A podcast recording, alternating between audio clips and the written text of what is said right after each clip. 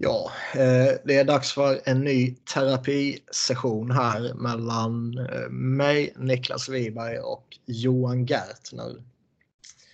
Eh, vi måste prata av oss, vi måste skälla, vi måste skrika, vi måste gråta.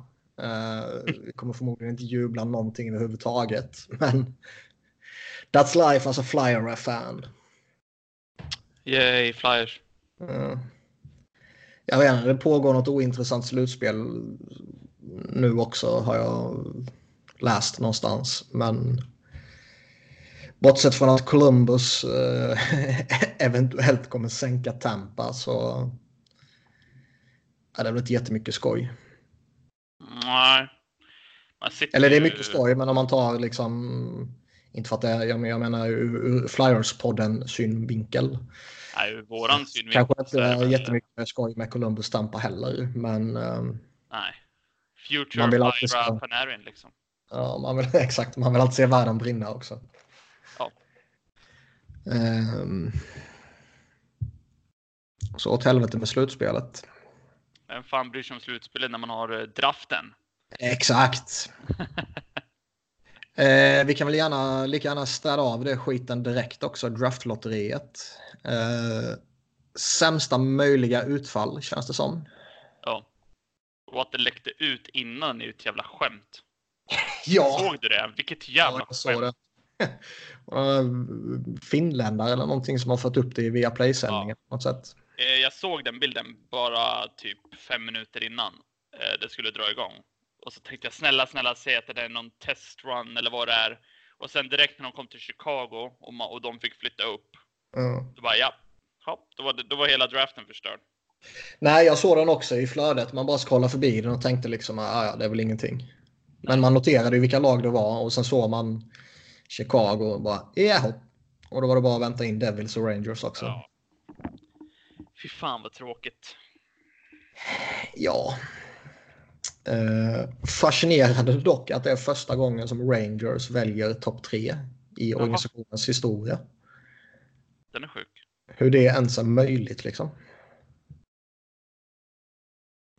Men... Det visar väl också att de oftast har varit rätt bra. Ja, det är väl så. Men vi såg ju, ja, Flyers tappade ju en placering också i och med att Chicago hoppade in i topp tre då. Ja. Det gör mig egentligen ingenting. Alltså visst hade det varit nice att ha tredje valet, men man vill ju ha... I topp två. Ja, det är jättestor skillnad på de efter ett och två. Mm. Bara så rent. Det är ju en ryss som är rätt hypad som jag aldrig kommer ihåg vad han heter. Podkolzin. Ja. Men jag har sett han när jag väl har sett. Jag tycker inte han ser så bra ut. Alltså, Nej, jag menar, ska... jag menar inte att uh, han ska nämnas med topp två. Men uh, han är väl den som verkar vara tredje alternativet så att säga. Ja. Uh, jag känner lite så här. Jag pallar inte bry mig ett skit om elfte valet för jag förväntar mig att man kommer trada det. Jag tror också det. Jag, jag har ju en personlig favorit så att om de behåller det så hoppas jag att de draftar Cofield. Som är lite som The Brinkat. Mm. Bara sprutar in mål. Uh, mindre. Han är rätt liten, typ 1,70 eller någonting. Mm. Uh, så jag hoppas ju att om de behåller det att de tar en sån spelare. Men jag skulle bli förvånad om de behåller det faktiskt. Och det gör mig absolut ingenting om de tradar det. Nej, alltså vi, vi, vi kommer väl till det lite senare när vi ja. går in på vad, vad Fletcher har sagt och, och, vad som kan ske i sommar och så här. Men han hintade ju rätt tydligt om att de kommer söka hjälp utifrån organisationen för att bättra på laget. Mm. Och free agency är ju inte alltid jätteattraktivt. Så jag, man känner ju bara att det är någon form av trade som kommer ske. Om det ja. sen är att man offrar Ghost för att man vill ha en annan spelartyp eller man vill uppgradera och använda han som, som huvuddelen i ett paket eller whatever. Men ja. det återkommer vi till så småningom. Jag, jag, jag vill inte behålla draftvalet helt enkelt. Jag är trött Nej. på uh, prospects och picks och ja. skit jävelskap nu efter de här åren. Ge mig, uh, ge mig en satsning. Det är dags att bli relevant igen. Ja. Uh, men vi, ja, innan vi blickar framåt så blickar vi tillbaka och uh, Vad säger vi om den här jävla säsongen? Är vi tvungna att titta tillbaka? Nu blir man ju deprimerad på en gång. Ja, ja. Men... Det är, allting förstörs ju. Allting börjar med när Hextall väljer att gå in med Elliot och Neuvert som, eh, ja, som målvakterna för säsongen. Där dödade han Bara, sig. bara, bara det beslutet förstör ju, gör ju så att han får sparken i princip. Ja. Och sen Eh. att de väljer att behålla Lapierre som PK-coach när de har varit typ, är det botten fem i typ fem år i rad eller någonting. Mm. Något sånt. Och de gör inga förändringar heller, utan de har jättedåligt eh, boxplay. Och så bara nästa säsong, nej men eh, det, det var spelarna. Eh, inte själva taktiken, utan det var spelarnas fel. Ja, och sen att det blev pyttelite bättre de sista 20 matcherna. Det säger mer än nästan fem hela säsonger typ. Nej, jag vet inte riktigt vad Hextall tänkte där. Det, det, de skulle ta ett steg framåt och allt det här och så första tre säsongerna är de jättedåliga. Mm. Ehm, fast det var väl rätt talande också när han fick sparken där att han verkligen inte såg det komma. Mm. Eh, att det var jättechockerande och Gissa alla, alla fans satt ju och väntade på Hackstall. För Ja. att han borde rädda sitt egna skinn liksom. Och då, ja, lite så. Men han verkar ju... Det är ju samma nu. Nu är det väl han som är GM för Kanada. Och så tar han in Hackstall som assisterande. Mm, Så de går ju verkligen hand i hand, de två. mm. Ja, nej, jag, jag vet inte vad jag ska säga. Eh, om, Nej, om, Team säsongen om Team Canada alltså. Eh, Alltså, hela säsongen förstörs för att de inte har en målvakt första tre månaderna. Och så har de sämst boxplay i typ NHL-historien. mm. Ehm, Men det är liksom man, man, man tittar och, och man kan ju. Man kan ju omöjligtvis ha låtit bli att identifiera de här problemen. nej, men det var ju de Ja. problemen vi visste om. Ja, utan man måste ju sitta och titta på dem och konstatera att nej, vi skiter väl och försöker göra någonting. Vi nöjer oss med det här. Vi hoppas att det som i ett mirakel kommer bli bättre. Mm. Trots att fyra, fem säsongers track record säger motsatsen. Ja. Det som Eh, jag tycker är så sjukt är eh, under de här tre månaderna så 5 mot 5 och så, så alla de här underliggande siffrorna är bättre när man ligger i princip sist i hela NHL. Eller jag tror Ottawa låg bakom med något poäng. ja, men Ottawa räknas inte. Ja, och så är de underliggande siffrorna är bättre än vad de hade under Gordon. När de... Nej, men alltså de, de, om man tar liksom lite Corsi och, och den svängen så de siffrorna rasade ju under Gordon. Ja, Eh, det var liksom, det var ju inte det var inte bäst i ligan under Hackstall, men det var ändå under toppenskiktet. mm, Alltså deras Corsi for percentage var plats 9 i ligan under Hackstall till exempel. ja, Ehm, expected goals for percentage var liksom plats 12. mm, Sen rasade det till plats 26 och plats 23. Eh, 23 Ja, men det såg man ju när, när Flyers gick på den här winning streaken. Ja. När de började deras, ja, deras comeback för att ta sig till slutspel. Det var ju... Ja, vann, någon- vann de tio i rad? Eller vad var det? De vann 1, 2, 3, 4, 5, 6, 7, 8 i rad. Åtta i rad. Ja. Ja, Eller de vann ju 9 av 10 om man ska slå in ja, det. nio av tio. Av de tio matcherna så inte mer än en av, eller två av dem så var de det bättre laget skulle jag säga. Om Nej, nu kommer jag inte ihåg exakt, men alltså det var på den nivån man tänkte oj, de blir jätteutspelade och hur vinner de den här matchen? Och så bara fortsatte det nästa Så- match också. Ja. Och det var ju liksom, det, det, det har man ju sagt in i förbannelsen, men det var ju målvaktsspelet och special teams som bar laget där. Ehm, och det är ju sånt som inte håller i slutändan. Och Nej. det såg man ju i slutet sen när de förlorade åtta i rad eller vad fan det blev. Ja. Under, under Hackstall så var ju Flyers powerplay 12,9 procent. Ja, var tredje sämst i ligan. Penalty kill på 73,5 och det var näst sämst. mm. Målvaktsspelet, om man då tar save percentage, var ju sämst i ligan på 87,43. herregud. ja. Eh, och efter coachbytet sen under Gordon så eh, kom Flyers powerplay upp till 19,9 procent. Mm. Penalty kill till 82,2. Och det var plats 12 respektive 10 i ligan. Och räddningsprocenten ökade till 90,59 vilket var plats 16. Och det var ju inte direkt så att, ja, det var ju inte direkt så att Mikael Neuver kom tillbaka och spelade bra hastigt och lustigt utan det var ju Carter Hart som Ja. styrde upp. Sen eh, får man ju ge Elliot credit där när han kom tillbaka och faktiskt var helt okej. Och spelade som han gjorde som Absolut. bäst.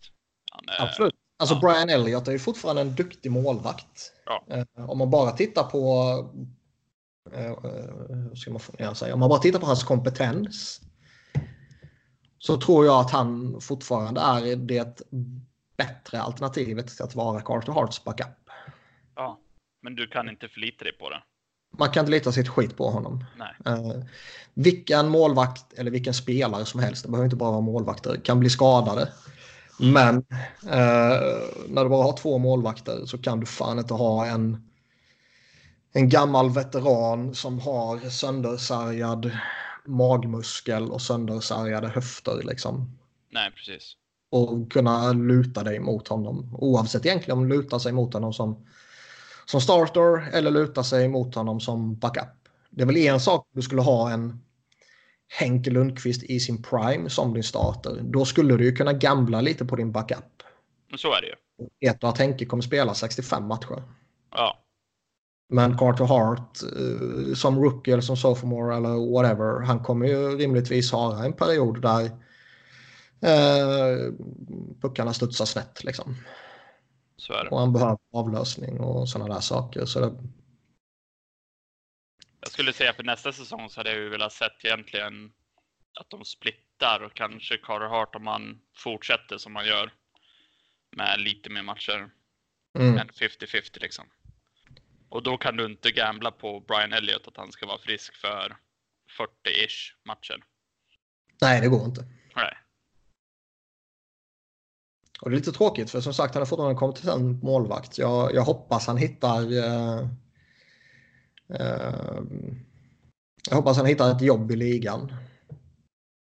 Det Men tror jag inte nog. med Flyers. kanske, nej, nog tror jag att han kanske kan eh, bli någon billig backup någonstans. Ja, tror jag nog. Det som Jag var lite eh, intressant, jag vet inte om du har exakta quoten från Fletcher, men han pratade om att de behövde en målvakt. Jag tyckte att sättet han sa det på presskonferensen var som att Talbot inte skulle vara ett alternativ. Kanske bara var jag som tyckte det, men jag har inte, jag har inte exakta quoten. eh, jag Han har massa lite. Ja. quotes framför mig men jag tror det blir en dålig podcast om jag bara sitter och läser igenom dem för att hitta vad du menar. Han sa, han sa någonting om att, eh, det var, jag tror frågan var vad de behövde och då pratade de om att de behövde en, eh, en center och så sa de någonting bara We need a goalie to play with Carter Hart. Och jag tyckte sättet han sa det på lät det som att ja, någon av de tre de har nu så kommer det, inte, det kommer inte vara någon av dem. Men eh, det kan ju ha varit jag som eh, uppfattade fel. Alltså, eh, Mikael Neuver, hans namn kan vi ju slänga åt helvete. Det finns Ja, ju inte en chans i världen att han kommer tillbaka. Eh, eh, ja, om det inte är för Phantoms, men det kommer ju inte heller ske. Eh, Ehm, Brian Elliott tror jag som sagt inte på. Han är 34 bast nu. Han eh, är totalt söndersargad. Man kan inte förlita sig på honom. Nej. Jag, vet, jag fick inte det intrycket om att Cam Talbot var, var bortsorterad så att säga. Nej. Nej, Hela den- Det kanske var jag som uppfattade det fel, men Mm. Alltså jag fick ju snarare intrycket av att det är Cam Talbot snarare än Brian Elliott som alternativet. Ja, Okej. Eller, eller liksom att det, det hade man ju på känn redan innan. Men att det liksom Ja. typ inte bekräftades. Men att man fick ännu lite tydligare vibbar om det. Ja. De gav ju sig i alla fall chansen att känna på Talbot och han fick känna på Flyers när de tradade till. Knappt. Ja, alltså inte själva spelmässigt, själva organisationen. Ja. Eh, Men eh, alltså jag skulle vara helt okej med ifall de valde Talbot. Han kan ju inte få ett stort kontrakt eller så ett dyrt ens. Så att det blir väl en lite sämre än, än Brian Elliott. En hel Brian Elliott. Men Mm. fortfarande en spelare eller en målvakt som kan spela mycket matcher om det skulle bli så. Ja, vi kan väl lika gärna gå in på hela situationen med honom där man, man ger upp Anthony Stålarts och det är liksom... Det är skitsamma. Ja, Det, han skulle. Han skulle förmodligen inte fått något nytt kontrakt ändå. nej. Utan det, Felix Sandström kommer in eh, till exempel och förväntas vara en av målvakterna i, i Phantoms nästa år. Vi har kvar Alex Lyon som fortfarande har kontrakt. Eh, över Ustimenko? Så det, ja, det fanns ju ingen plats liksom. Nej. Och skicka iväg han för att testa Cam Talbot i ja, några veckor. Det, det, det tycker inte jag är några problem. Liksom. Det är ju till och med intelligent. Mm. Det som är helt jävla orimligt är ju sättet man väljer att använda honom på. Ja. eh, vad spelade han till slut? Fyra matcher? Fyra matcher, eller tre och en halv rättare sagt. Mm.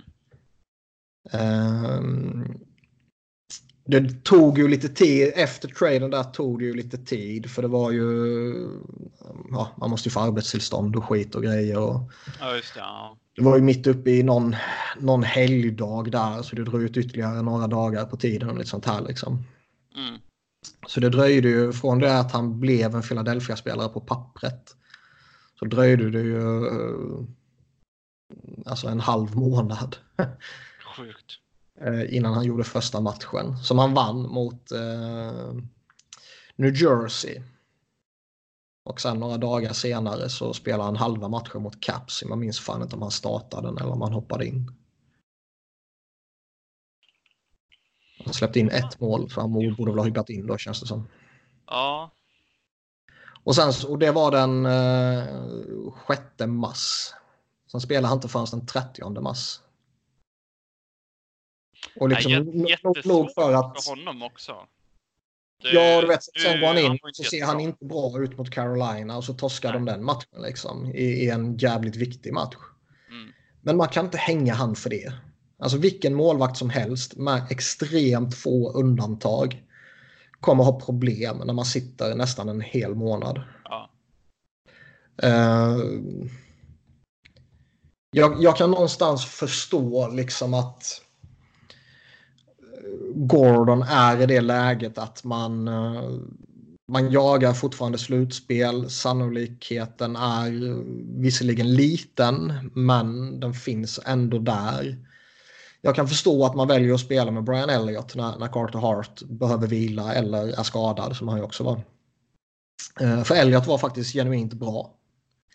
Men jag tycker också det är jävligt lustigt när man när din chef har tradat till sig en målvakt för att kunna titta på honom.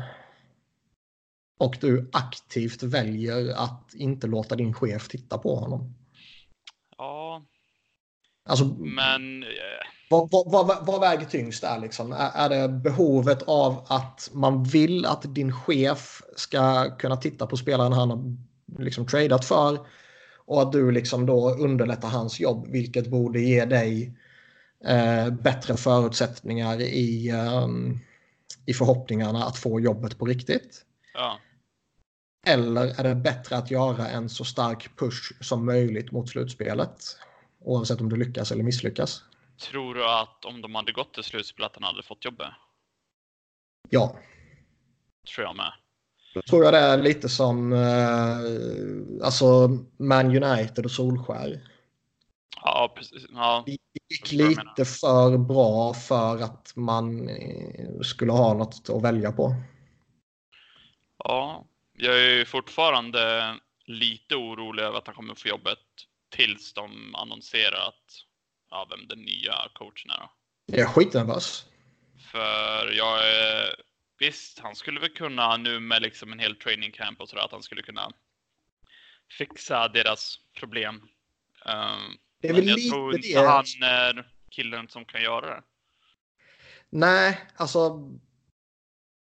Det är, väl, det är väl den enda grejen som gör att man kan ge Gordon liksom the benefit of the doubt. Och det är liksom att han kliver in mitt i säsongen.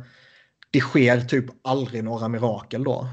Eh, man kan knappt tillämpa några förändringar och du kan knappt göra några justeringar och du har knappt några ordentliga träningar. Liksom. Om han får en hel sommar på sig att finslipa grejerna och sen implementera det under ett riktigt training camp. För det- ska sägas om honom att han satt faktiskt och identifierade alla problemen under sina exit interviews. Jag tycker både han och Fletcher gjorde det. Att de, Ja.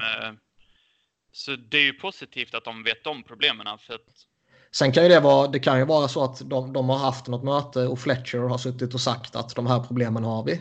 Och så Ja. säger Gordon, ja det har vi. Eh, trots att han inte tycker det. nej, precis. Och sen så går han ut på presskonferensen och säger exakt samma sak för att han vill ha jobbet. Ja, så kan Eh. Nu är jag ju alltid skeptisk och konspiratoriskt lagd, men det skulle inte förvåna mig ett skit ju. Är det confirmed där på Flyers-podden att det var så det var? exakt. Men, men det är liksom ändå... Just det att han satt och bekräftade det som alla andra människor förutom typ Dave Hackstall och Ron Hextall såg. Mm. Plus att... ja, Okej, man behöver kanske ett training camp och, och så vidare. Det är väl det som gör att, att jag inte skulle skrika rakt ut i panik när tweeten kommer om att de har gett honom jobbet. ja, Jag skulle inte jubla. nej, fast jag... För mig så är det, om vi kollar nu på coacherna här. Nu har de Gordon och så innan Hackstall. Och så innan Deb Ruby. Liksom Det har varit tre chansningar i rad. Ja, jag, är- jag är så trött på... Jag är så trött på det här att... Ja, men, och så kollar man de assisterande. Visst, Nobla kom ju in som att det skulle vara the next big thing liksom. Ja. Men eh, liksom Gord Murphy och LaPerriere och sådär. Bara, nej. Jag vill ha en hel rensning. Med alla assisterande coacher och så. Sen... Jag, kan tänk, jag kan tänka mig behålla Rick Wilson. Mm, ja. Jag Sen tror, samtidigt- alltså, jag sen- tror det känns som att han bara kom in som en nödlösning. Han var ju pensionerad. Jag tror, Jag tror att Han, han någon- gick i pensioner. Han var, gick i pension efter uh, Dallas-jobbet senast. Ja. Och jag tror att han bara liksom, okej, hoppa in säsongen ut, that's it. Ja, det var lite så jag Ja. tänkte också. Ja. Men om de vill behålla honom så har jag nog inget emot det. Eh. Det, det kan jag köpa. Men jag tycker att bort med resten och verkligen få in som en ny... En ny, vad ska man säga? En ny start helt enkelt. Men det var ju som Fletcher och, och Gordon också för den delen satt och, och tuggade lite om att de måste få bort typ misstagen och tendenserna och eh, ett ord som jag eh, inte får ur mig nu. Eh, vad fan heter det? Jag vet inte. Eh, de pratade i alla fall, båda två pratade jättemycket om att det finns ehm, eh, det finns saker de måste jobba bort liksom. Och det är Bad ett habits. bad habits, så var det. Mm. Eh, Det ser man ju. Alltså, Och det ser man. och det är också en jävla ingen- sågning mot föregående regimen. De har ju jättedålig, om man säger fantasi i offensiv zon. Ja. Alltså det spelar ingen roll om de kommer två mot en eller tre mot en eller om de liksom redan inne i zonen, de liksom cyklar pucken. Det spelar ingen roll eh, på vilket sätt de attackerar. Det finns liksom ingen idé bakom det, känns som. Nej, nej. Och där sa jag, jag tror det var Charlie som sa någonting om, jag tror det var i, i Bro Street Hockeys eh, podd. Eller om jag läste det, jag minns inte. Men eh, när eh, typ han ifrågasätter, eller ifrågasatte Dave Hackstall om det här med skott från blå hela jävla tiden. Ja. Så fick han ju typ som svar på att håll käften, du vet ingenting, jag vet mycket mer än vad du vet. Ja. inte, med, inte med de orden, men Nej. med lite snällare ord. Men framförallt med den blicken. Jag hade velat, jag hade velat sett den eh, med Ja. de orden. ja, ja. Eh, Gordon håller ju i alla fall med om det. Ja, Och liksom, det är ju ett problem. eh, det känns ändå som att Gordon antingen så är han medveten om problemen som finns eller så har någon högre upp sagt till honom om de här problemen och han är redo att påpeka problemen och göra något åt dem.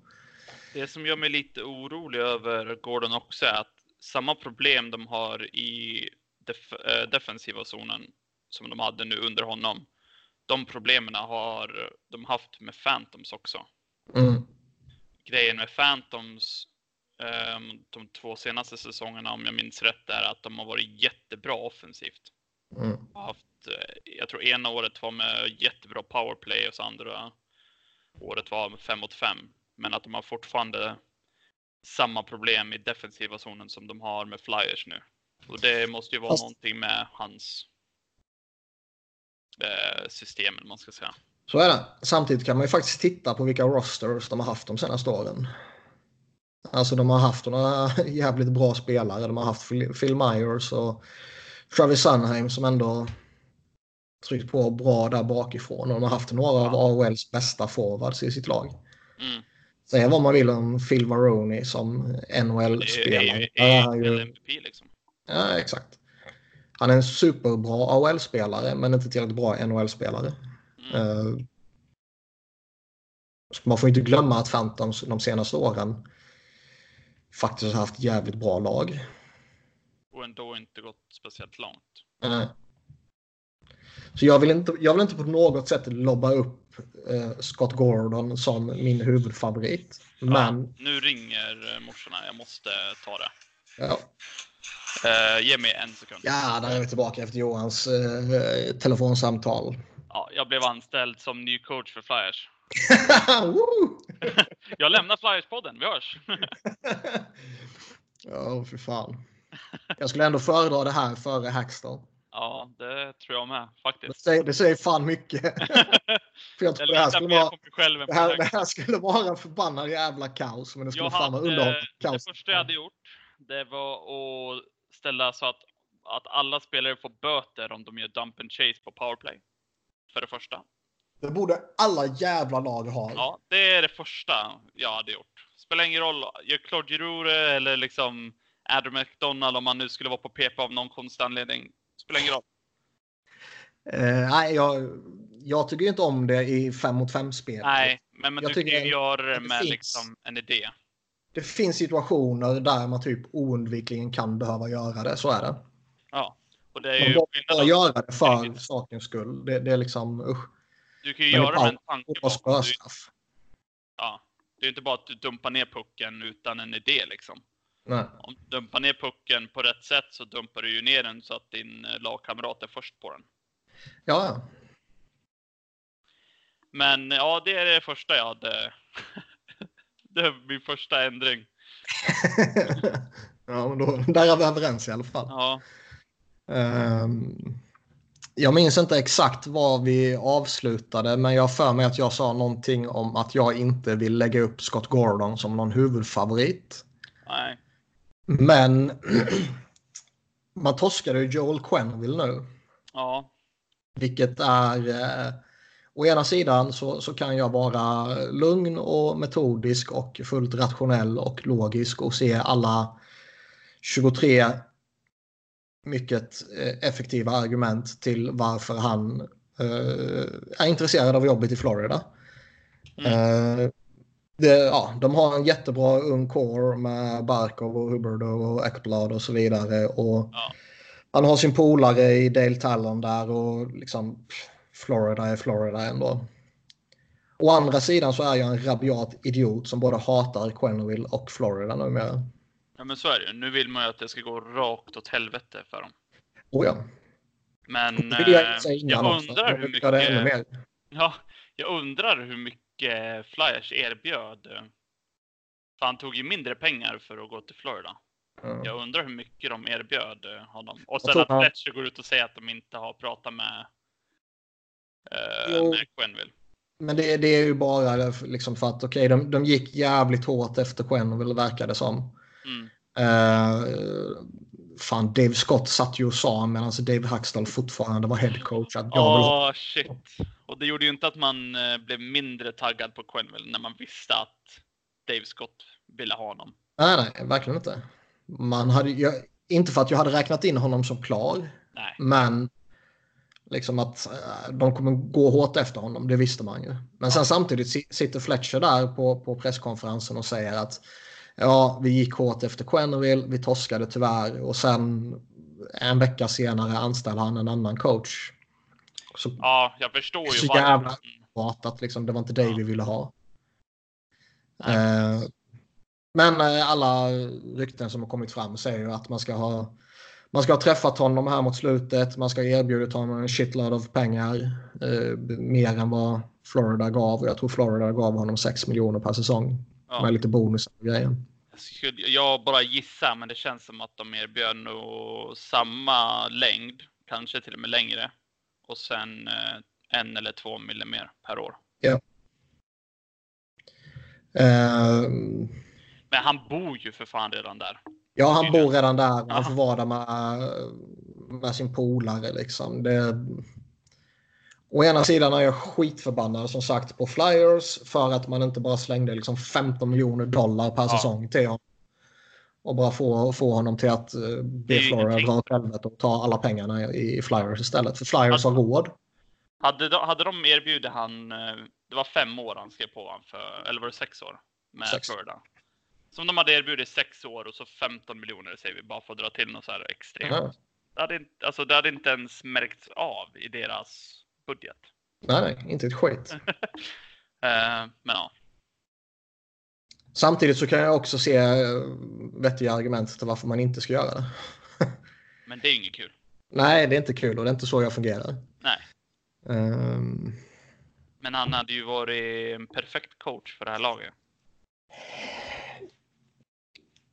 Han skulle ju vara den bästa coachen. Om han sen skulle vara perfekt är ju Eller ja, liksom, bästa coachen. Är är, är det någon coach i ligan som är perfekt? Jag tror fan inte det. För alla, Nej. även liksom Quenneville och Babcock och Nej, alla de perfekt här, är väl fel ordval. ja, även, vara- även de gör ju konstiga grejer. De, de väljer att spela Roman Polak. Alltså, Typ. jag tror inte du får vara coach i NHL om du inte är lite dum i huvudet och gillar Nej. dina veteraner. Nej, så det är förmodligen första frågan på anställningsintervjun. Nu då, om de träffar Dave Tippett eller eh, vem som helst som nu kommer intervjua Vigneault. Bara, men vad tycker du om Andrew McDonald? Det är typ första frågan. Men alla, alla, alla supportrarna var ju jättekåta på Quenville. Ja, vi har ju suttit och väntat sedan december på det.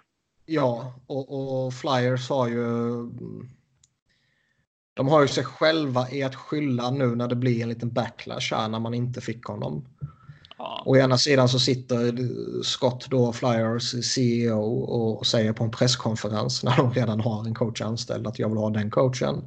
mm, Det läcker ju ut saker att och, och liksom kanske är det Fletcher som läcker ut, kanske är det Paul Holmgren som läcker ut, kanske är det eh, någon som jobbar i en kafeteria i arenan som råkar höra någonting när man går förbi eh, en öppen dörr liksom. Ehm, men det läckte ju ut saker. Så folk visste ju att Quenneville eventuellt var på gång. Att man skulle gå hårt efter honom i alla fall. mm, Så man får ju skylla sig själv lite eh, att Ja. det blir en backlash då som sagt. Och det är inte så att ge mig Quenneville eller döden. nej.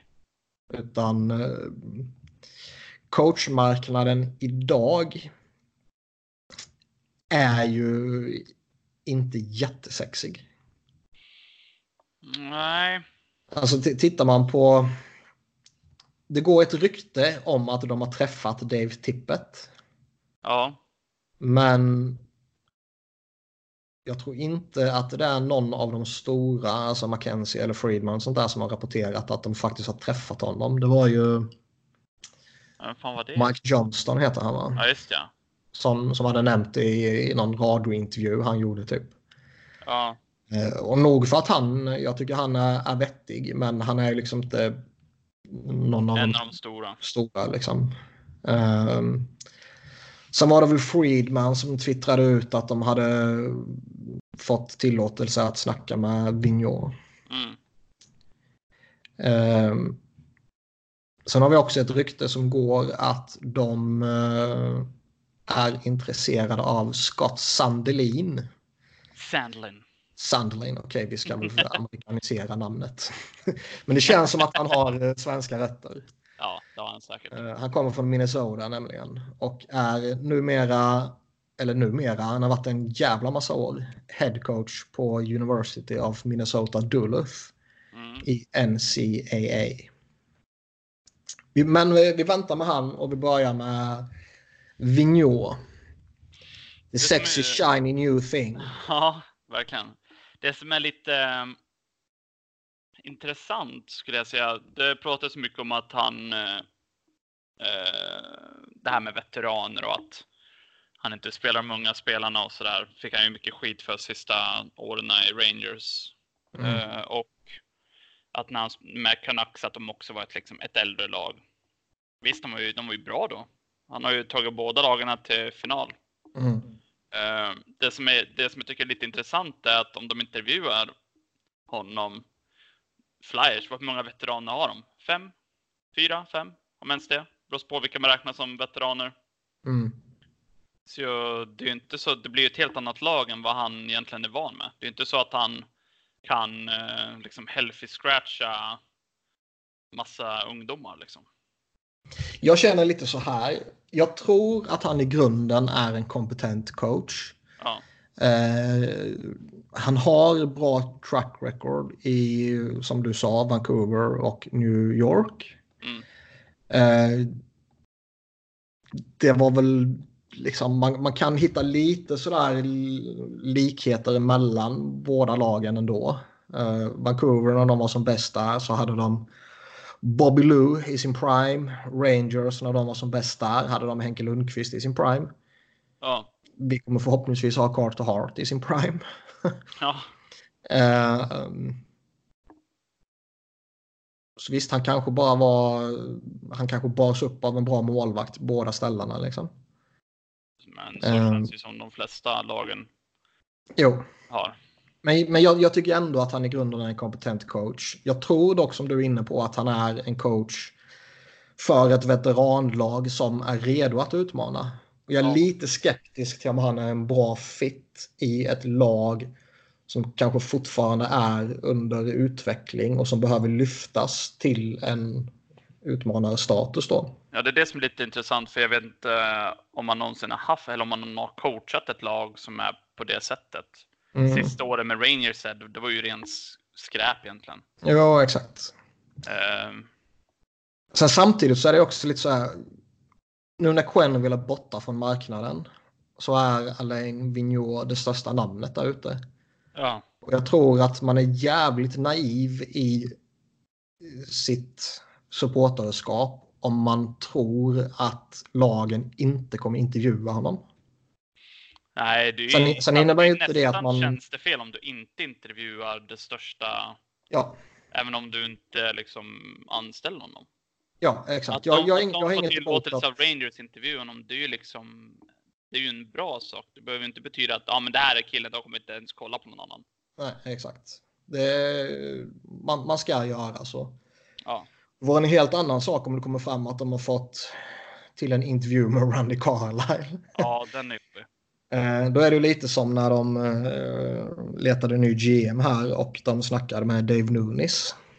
Då blev jag lite nervös kan jag säga. Då blev man lite nervös. Eh, Och det är som vi sa innan vi började spela in tror jag att liksom, tänk om det skulle blivit Nunes och Carlisle. Herregud. Det är, nog, det är nog en av få saker som kan få mig att sluta kolla på det här laget. Faktiskt. Har man, kollat, har man följt igenom liksom när det är 06, 07 och så de här senaste åren, egentligen sen Pronger eh, försvann. Mm. Om man levt igenom allt det, då känns det som att man kan klara av det mesta. Men hade de, Utom Randy Carlisle. ja, hade de två, ja, det räcker nog fan med Carlisle bara. Ha- Hade Ja. han blivit tränare, jag tror inte jag hade kollat då.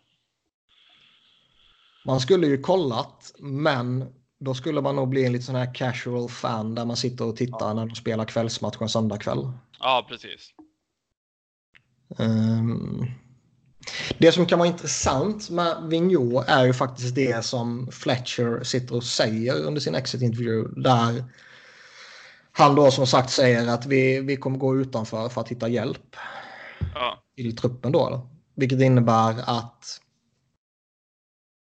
och han sa ju mer eller mindre att de behöver någon, någon veteran och lite sånt här. Någon, någon äldre back liksom. Och, och lite sådana grejer. Så det kommer ju... Jag tror man kan förutsätta ändå att det kommer vara ett litet mer veteranpräglat lag. det gör väl Nästa år. tycker jag. Sä- Säg att de... Alltså, säg att de signar Kevin Hayes. Han är ju inte en veteran i, i den bemärkelsen att han är 36. Nej, Men han är ändå en veteran. Alltså vi, vi Flyers-fans är ju så mentalt skadade av ordet veteran. så att när, så fort, när det kom fram första gången att, ja men typ när Fletcher var ny Mm. och det kom fram vad han vill ha det här, så kom det fram bara han vill ha en veteranback och så en eh, veteranforward kom det fram. Mm. Eh, jag tror de sa veteran topp 9 forward eller någonting. Mm. hela Flyers Twitter var ju, fick ju nervöst liksom, sammanbrott och visste inte var de skulle ta vägen. För då tänkte man direkt bara Niklas Grossman och eh, Lehtera liksom. ja, men. Veteran behöver ju inte betyda en dålig sak, men vi är ju så mentalt skadade Ja. av hela den här eh, ja, senaste fem, sex åren. ja, verkligen.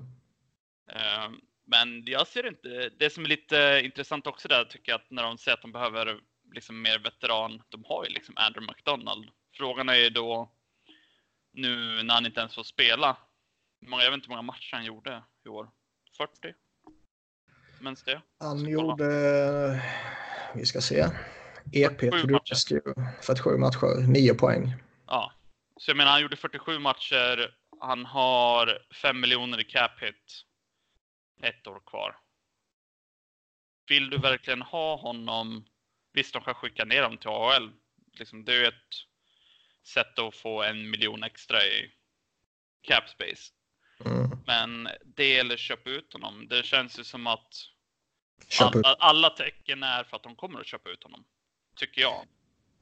Ja, han fick ju frågan om det Fletcher också. Att, eh. Och då sa han väl någonting om att ja, egentligen så tycker jag inte om det för man binder upp sig på död kapp och bla bla bla typ. Men jag har gjort det tidigare.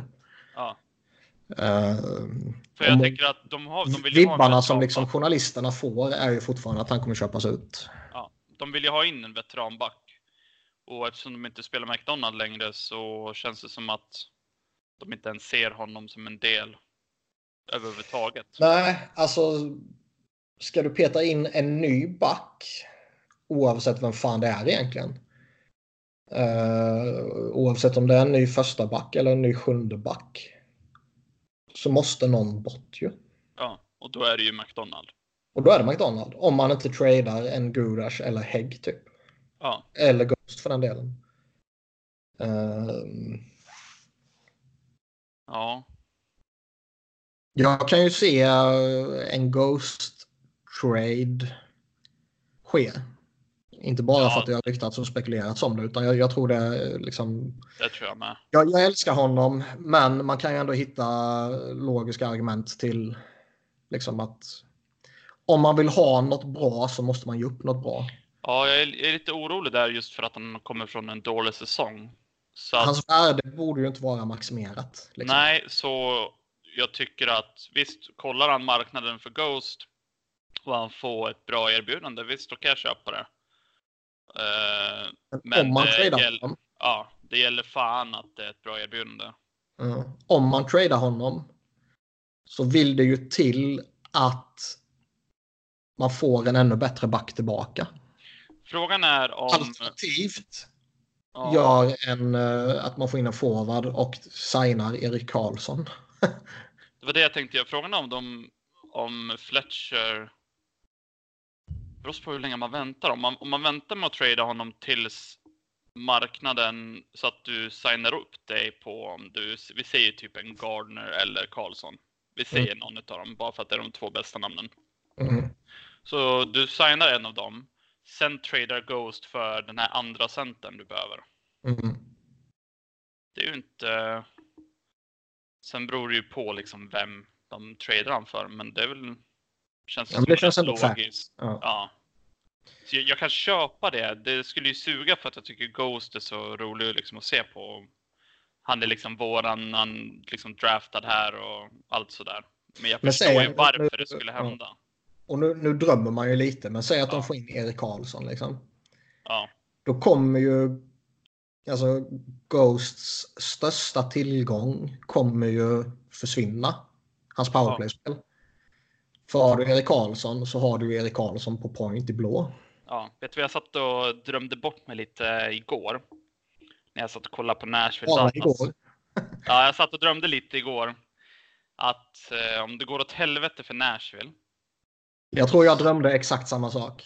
Utan att så, veta vad säga. Eh, ja, och så, så tänkte jag så här, jag hoppas, det går, jag hoppas lite att det går åt helvete just för Laviolette och sådär. Man drömmer sig att han kommer tillbaka. Inte för Ja. att jag tror det kommer hända, men så tänkte jag så här, då kanske de gör lite ändringar i sitt lag, för de har många spelare som jag gillar. Och då satt jag och kollade på deras backsida. Och då tänkte jag, nog fan är det PK Subban som ryker. Jag drömde exakt samma sak. Jag satt och tänkte så bara, nog fan är det PK Subban som ryker om de väljer att göra någon förändring. För de ska in Dante Fabro också. Visst, de skulle kunna trada honom för någonting. Men det känns som att Subban med sina, har 9 miljoner va? Men liksom ja, PK Subban har 9 miljoner. Roman Ja. Josi har 4 miljoner. Men han ska ha nytt kontrakt den här sommaren. Han är kapten och hela skiten. Han, han kommer ju få eh, minst vad Subban redan har. Har inte han redan signat nytt kontrakt? Eller jag? Nej, det var Ellis. Ah, just det. Ellis var det. Ryan Ellis är inne på sista året på sitt nuvarande kontrakt innan nästa kontrakt kickar in. Um, liksom Ekholm är ju snorbillig på 3,75. Ryan Ellis nya kontrakt kommer gå upp till 6,25. Men även det är ju billigt. Ja, men det som jag satt, då satt jag och funderade på PK Subban. Ja, vad kan man trada för PK Subban? Och då satt jag och tänkte Ghost och sen någonting mer Mm. för PK Subban. Då får Nashville alltså, vi säger om, nu bara drar jag till, vi säger vårt första val bara för att. Mm. Och Ghost. Det känns ju, tycker jag, som ett någorlunda bra pris för PK Subban. Sen Mm. kan man ju säga vad man vill om det är för mycket, för lite, whatever. Då, då får ju de bort, då halverar ju de deras lön där. Mm. Och har liksom Ghost signad eh, liksom under kontroll, eller vad man ska säga. Ja, fyra år till. Ja, och då får ju Flyers också den, eh, en back som just ersätter honom i powerplayet. Mm. Och som är rightare. Mm. Exakt vad jag Nu satt sitter ju man ju och drömmer sig bort här. Men jag tycker, aldrig- jag tycker det känns så logiskt. Jag satt och tänkte Ja. på det där igår och bara Helvete vad nice. Heja Dallas. Nej, men jag satt och tänkte exakt samma sak. Eh, inte för att det var första gången man, eh, man tänkte den saken, men det slog en när man väl satt och kollade på en slutspelsmatch live.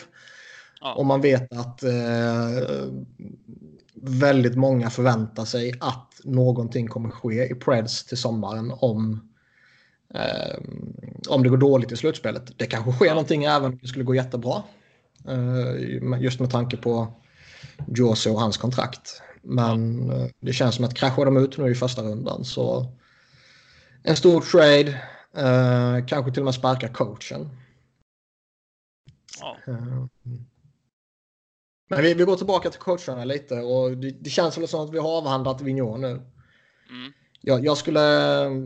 Det finns sämre alternativ där ute. Jag skulle inte hata det, men jag skulle vara lite oro, orolig över hur, hur han coachar de yngre spelarna, så att säga. Jag skulle nog ändå säga att eh, Vigneault är det näst bästa alternativet som är tillgängligt idag. Där skulle ni ha sätta tippet. Eller vad sa jag? Jag sa näst bästa va? Ja, ja men du, okej, okay, du menar efter så att eh, Vigneault är tvåa. Vigneault är tvåa. Hade Quenneville varit tillgänglig hade han varit trea? Eller? Nej, nej, nej. Quen, Quenneville etta, men han är ju inte tillgänglig längre. Nej. Dave Tippet är således ny etta.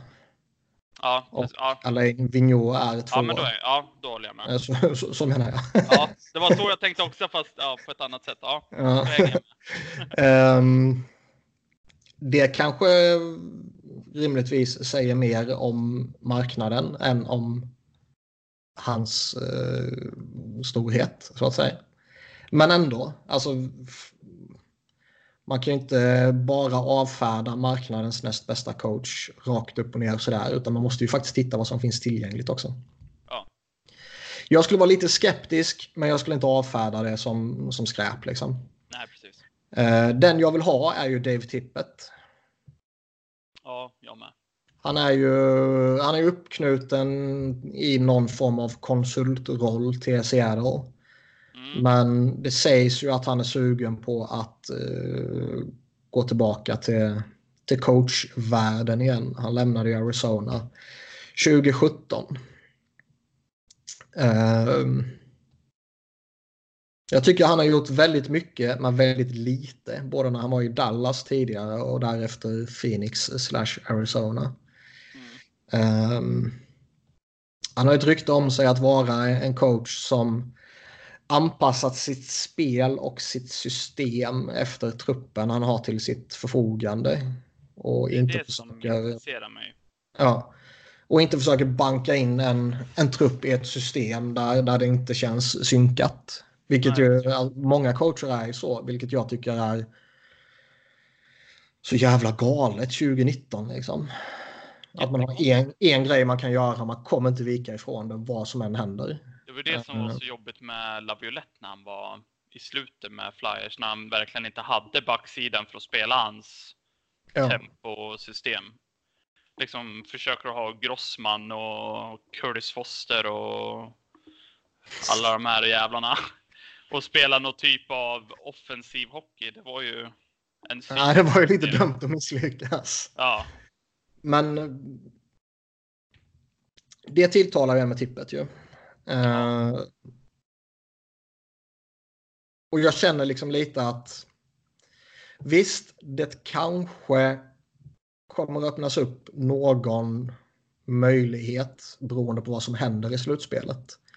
mm. Säg att, att eh, vad heter den? Att Nashville ryker. Säg att Laviolette blir tillgänglig. Alltså vill han ens komma tillbaka till en organisation som sparkade honom tre matcher in på en säsong? Kanske om är, de erbjuder massa pengar. jo. och är det liksom... Är det, ska man egentligen ta tillbaka en coach som redan har fått sparken en gång? Jag vet inte. Jag gillar ju, alltså jag gillade fortfarande Laviolette när han fick sparken. Det var ju rätt Ja. beslut för att någonting var tvunget att liksom hända. Ja. Jag gillar honom. Eh, Jag tycker inte Flyers har varit roliga att titta på sen han lämnade. Nej. Eh, inte bara resultatmässigt då, utan liksom underhållningsmässigt. vad Ja, som jag sker. det, är svårt just med när han har coachat redan. Jag vet faktiskt inte.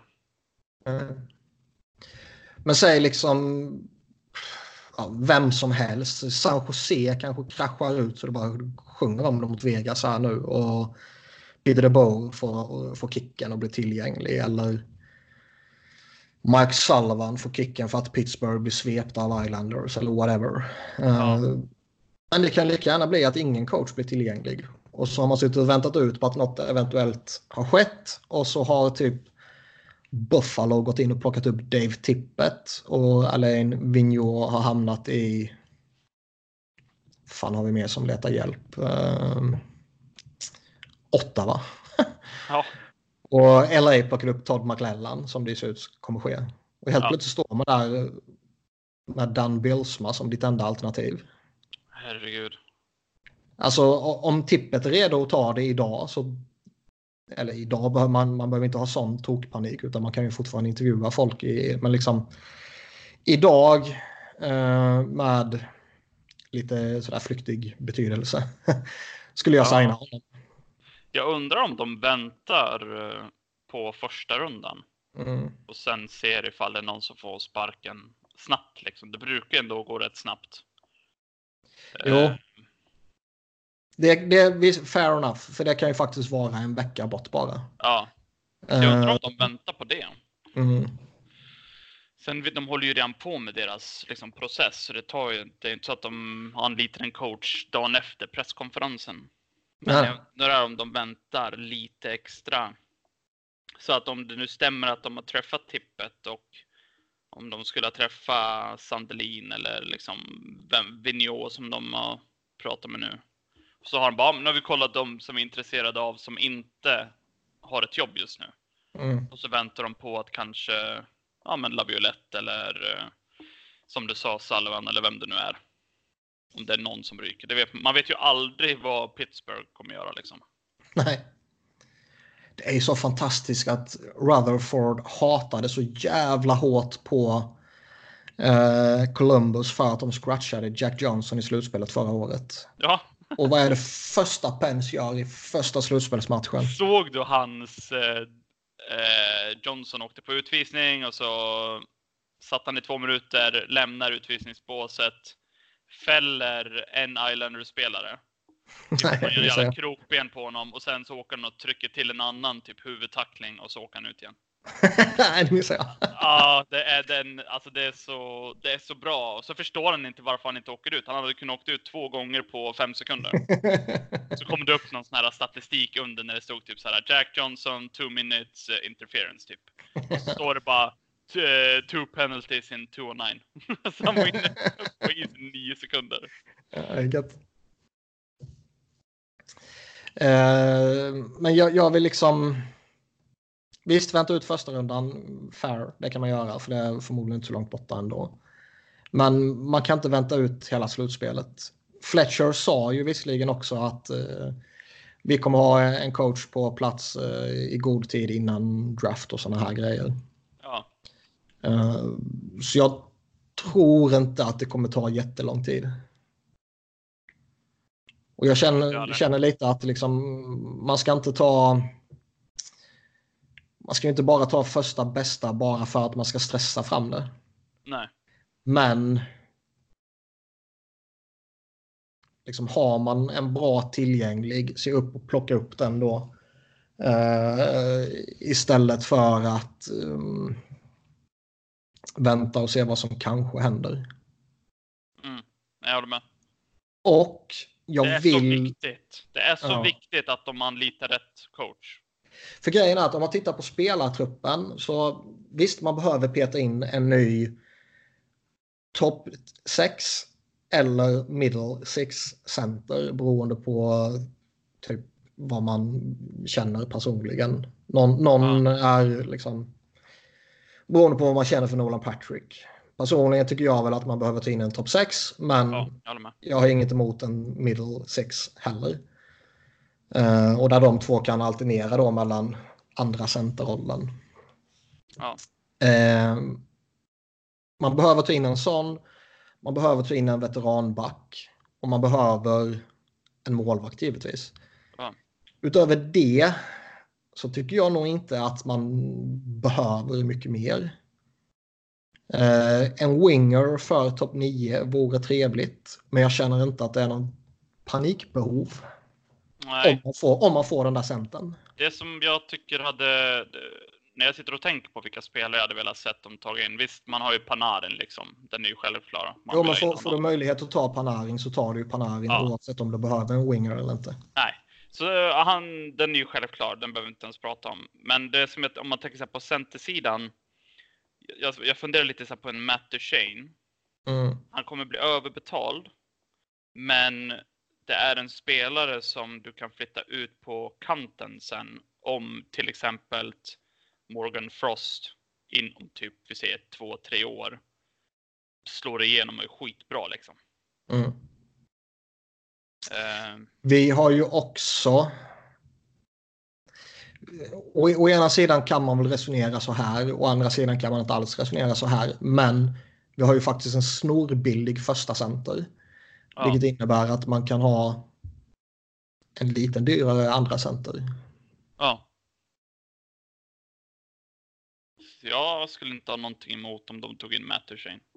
Vilket jag inte tycker känns jätteorimligt heller. Eh, Nej, det känns ju lite som att ska Columbus resigna honom så kommer de ju få skicka iväg ett nytt första val. Är det det? Conditional? eh, Ja, Okej, det hade jag glömt bort. eh, och då känns det som att det gör man ju inte. Nej, Om det nu inte är så att han går in och gör 45 poäng i hela slutspelet. ja, det, de, typ de går in och vinner. ja, eh, tror jag de gör det. Men eh, då kanske. Men, vill men han verkligen kommer- resigna när Bob och Panarin försvinner? Nej, jag tror Nej. han kommer att hamna på free agency. Och jag ville väl inte signa honom till vilket pris som helst. Nej, Ehm, jag, vill, jag vill inte signa honom till 13 miljoner liksom. Nej. Eh, men det kommer ju inte ske heller. Men jag gillar honom. Jag tycker det, han skulle vara bra i den rollen. Som du säger, han kan ta lite andra eh, positioner också. Eh, Det kanske går ett år eller två och sen är Patrick bättre än honom som center. Han skickar ut honom på en vinge då. Ja, men för mig spelar det heller ingen roll. Alltså det här med att vara på liksom line 1, 2 eller 3. Är du en contender så har du liksom tre bra Ja, lines minst. ja.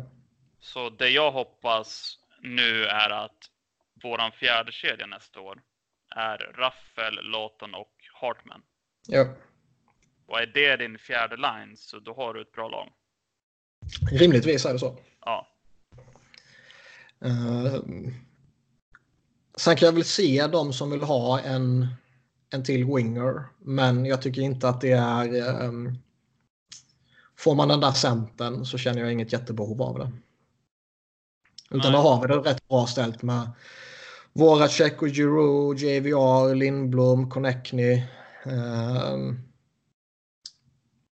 det är kanske där man ska hålla en liten lucka öppen för att Morgan Frost eventuellt går och trasar sönder hela jävla training camp liksom om man inte kan peta honom. ja. Nej, Och det finns inte, det ju- alltså det, winger-alternativ. Det är ju inga, det är inga problem att spela en Ryan Hartman som tredje eh, eller som right-winger i tredje kedjan liksom, Nej, till exempel. nej, precis. Utan den där centern måste in. Jag tror också att den där backen måste in. Ja, tror jag med.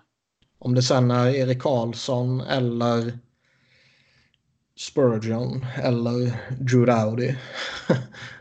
Men eh, jag, jag tror någonting kommer ske där. Jag vet inte fan alltså. Det, jag tycker det är lättare att, att fundera lite på så här, men typ som en Duchene eller Kevin Hayes eller vad det nu kan vara som man kan. Men på backsidan jag tycker det är jättesvårt. Visst, man sitter och tänker på Spurgeon för att, det liksom, för att Fletcher känner honom och sådär. Men nu snackas det om att de pratar nytt kontrakt med honom i Minnesota. Så jag menar, det, det alternativet kan ju försvinna rätt fort.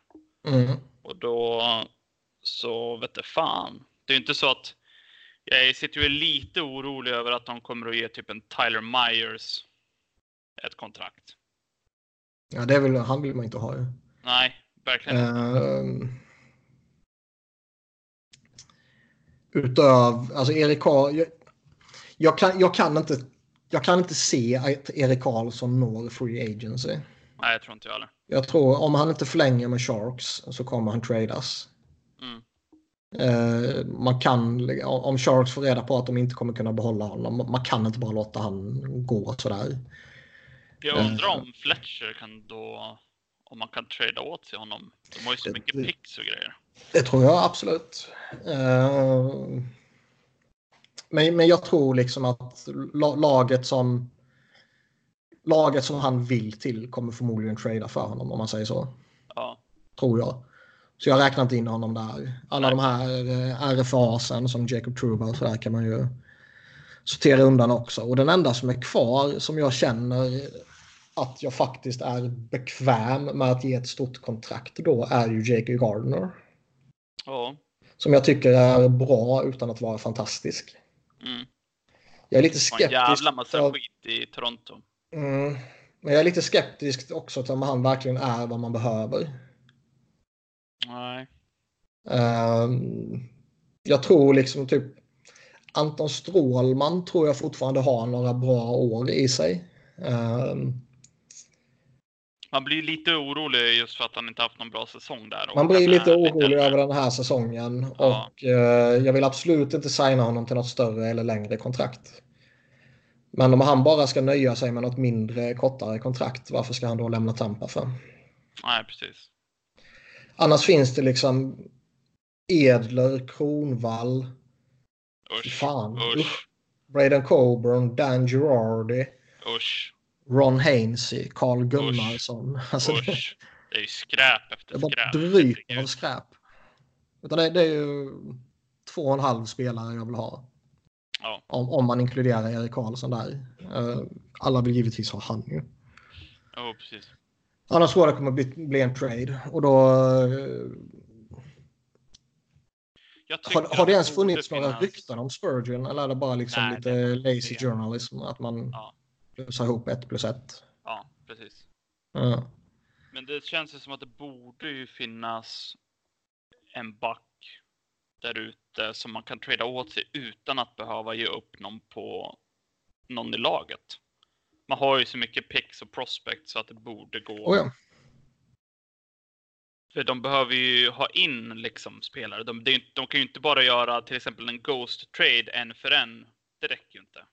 Nej, mot något likvärdigt. Det skulle i så fall vara om man uppgraderar.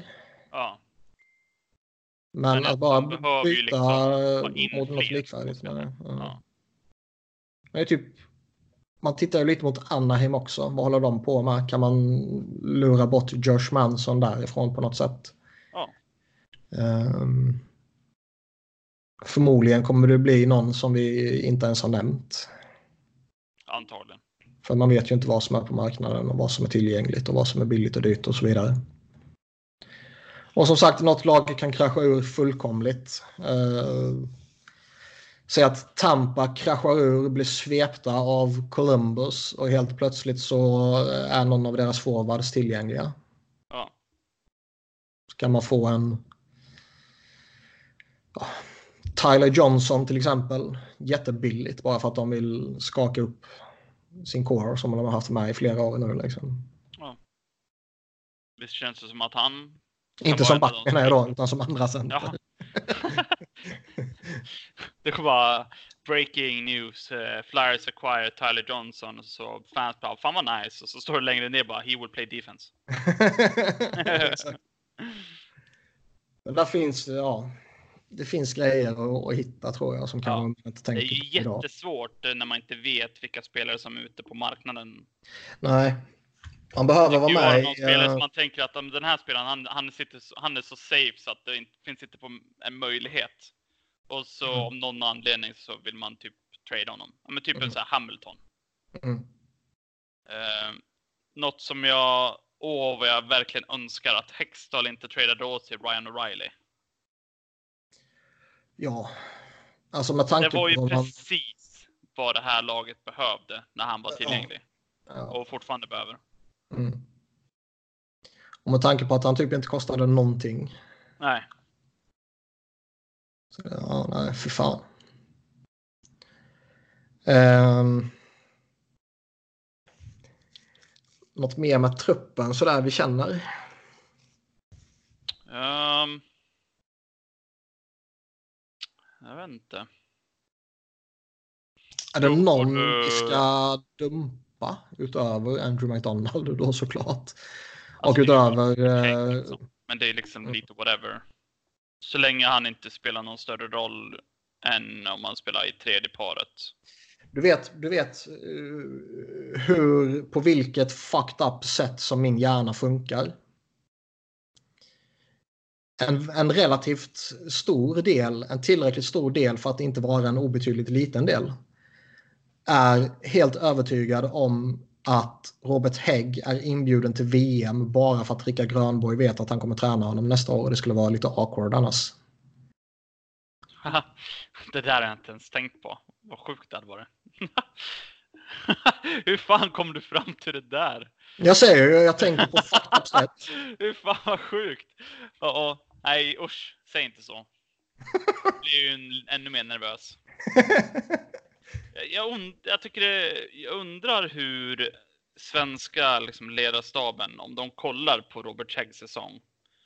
Hur kan man "Han titta på ha." hans matcher denna säsongen och konstatera att ja, han vill jag ha i VM. Ja, Hur är det möjligt? fy fan vad han var Alltså, jag, jag tycker att han, han inledde säsongen OK. Där, där liksom, han gjorde lite schyssta plays och han, han liksom visade att ja, men han kan, kan lira pucken. Och sen bara, nej det kunde han inte. nej. Och vet, han tacklas mest av alla, men jag kan inte minnas att jag har sett honom tacklas. nej. Alltså han och Gudas tacklas ungefär lika mycket.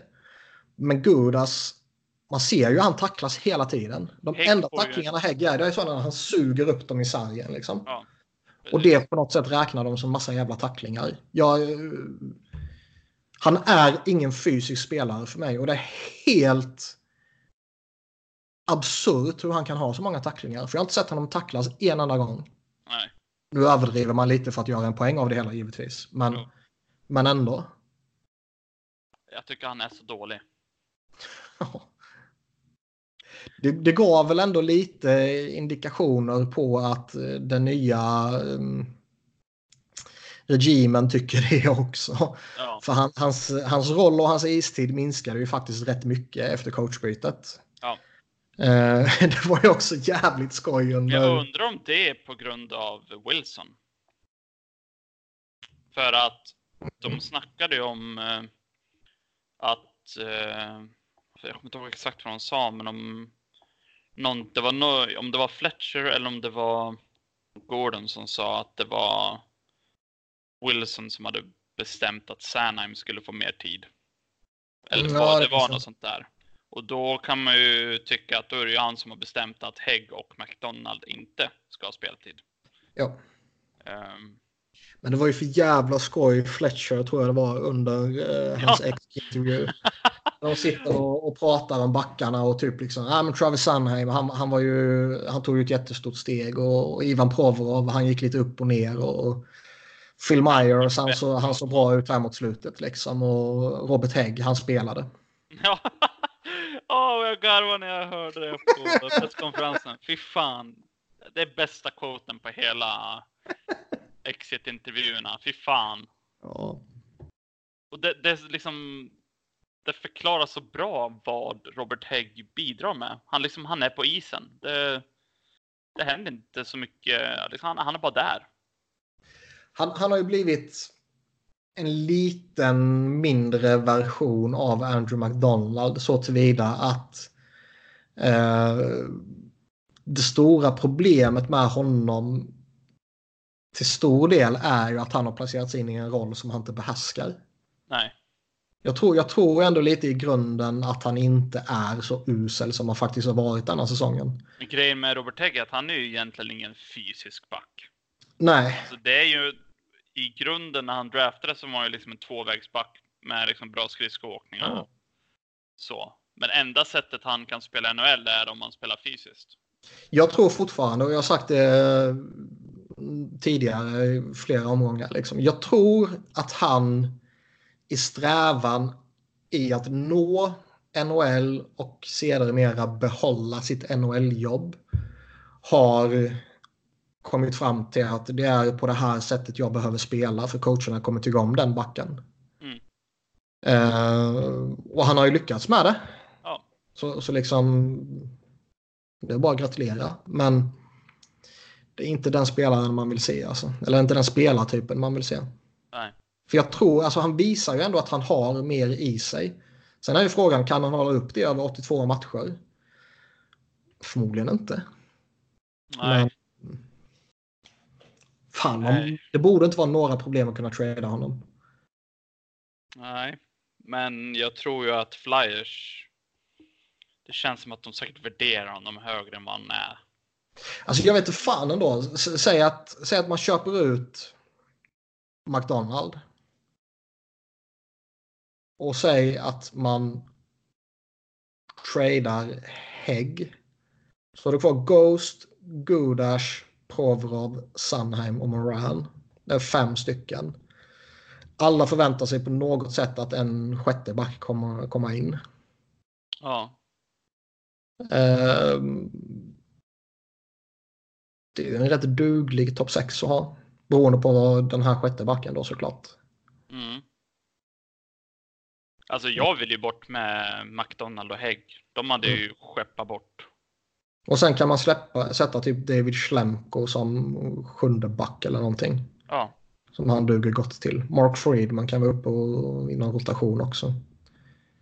Myers glömde jag med förresten väl?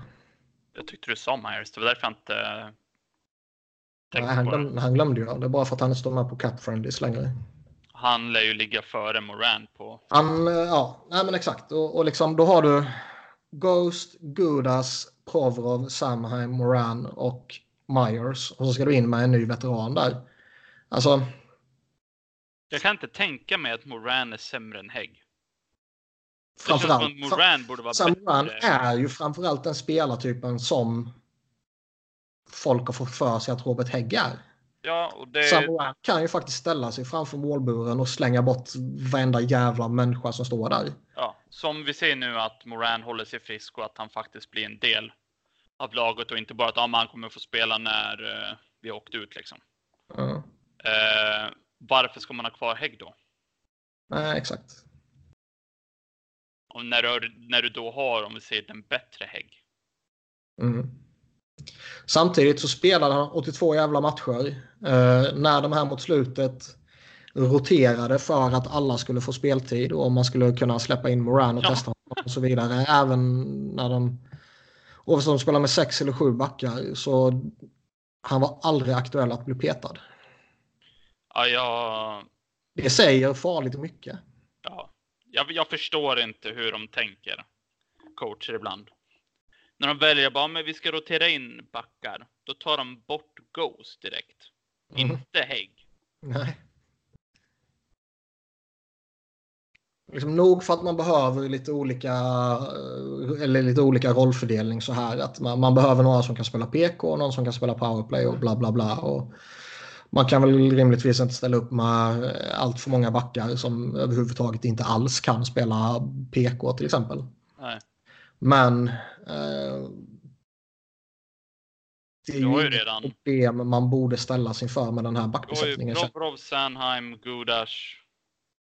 Eh, du har ju de tre döda utvisningar. Ja, och sen slängde du in Moran där. Ja.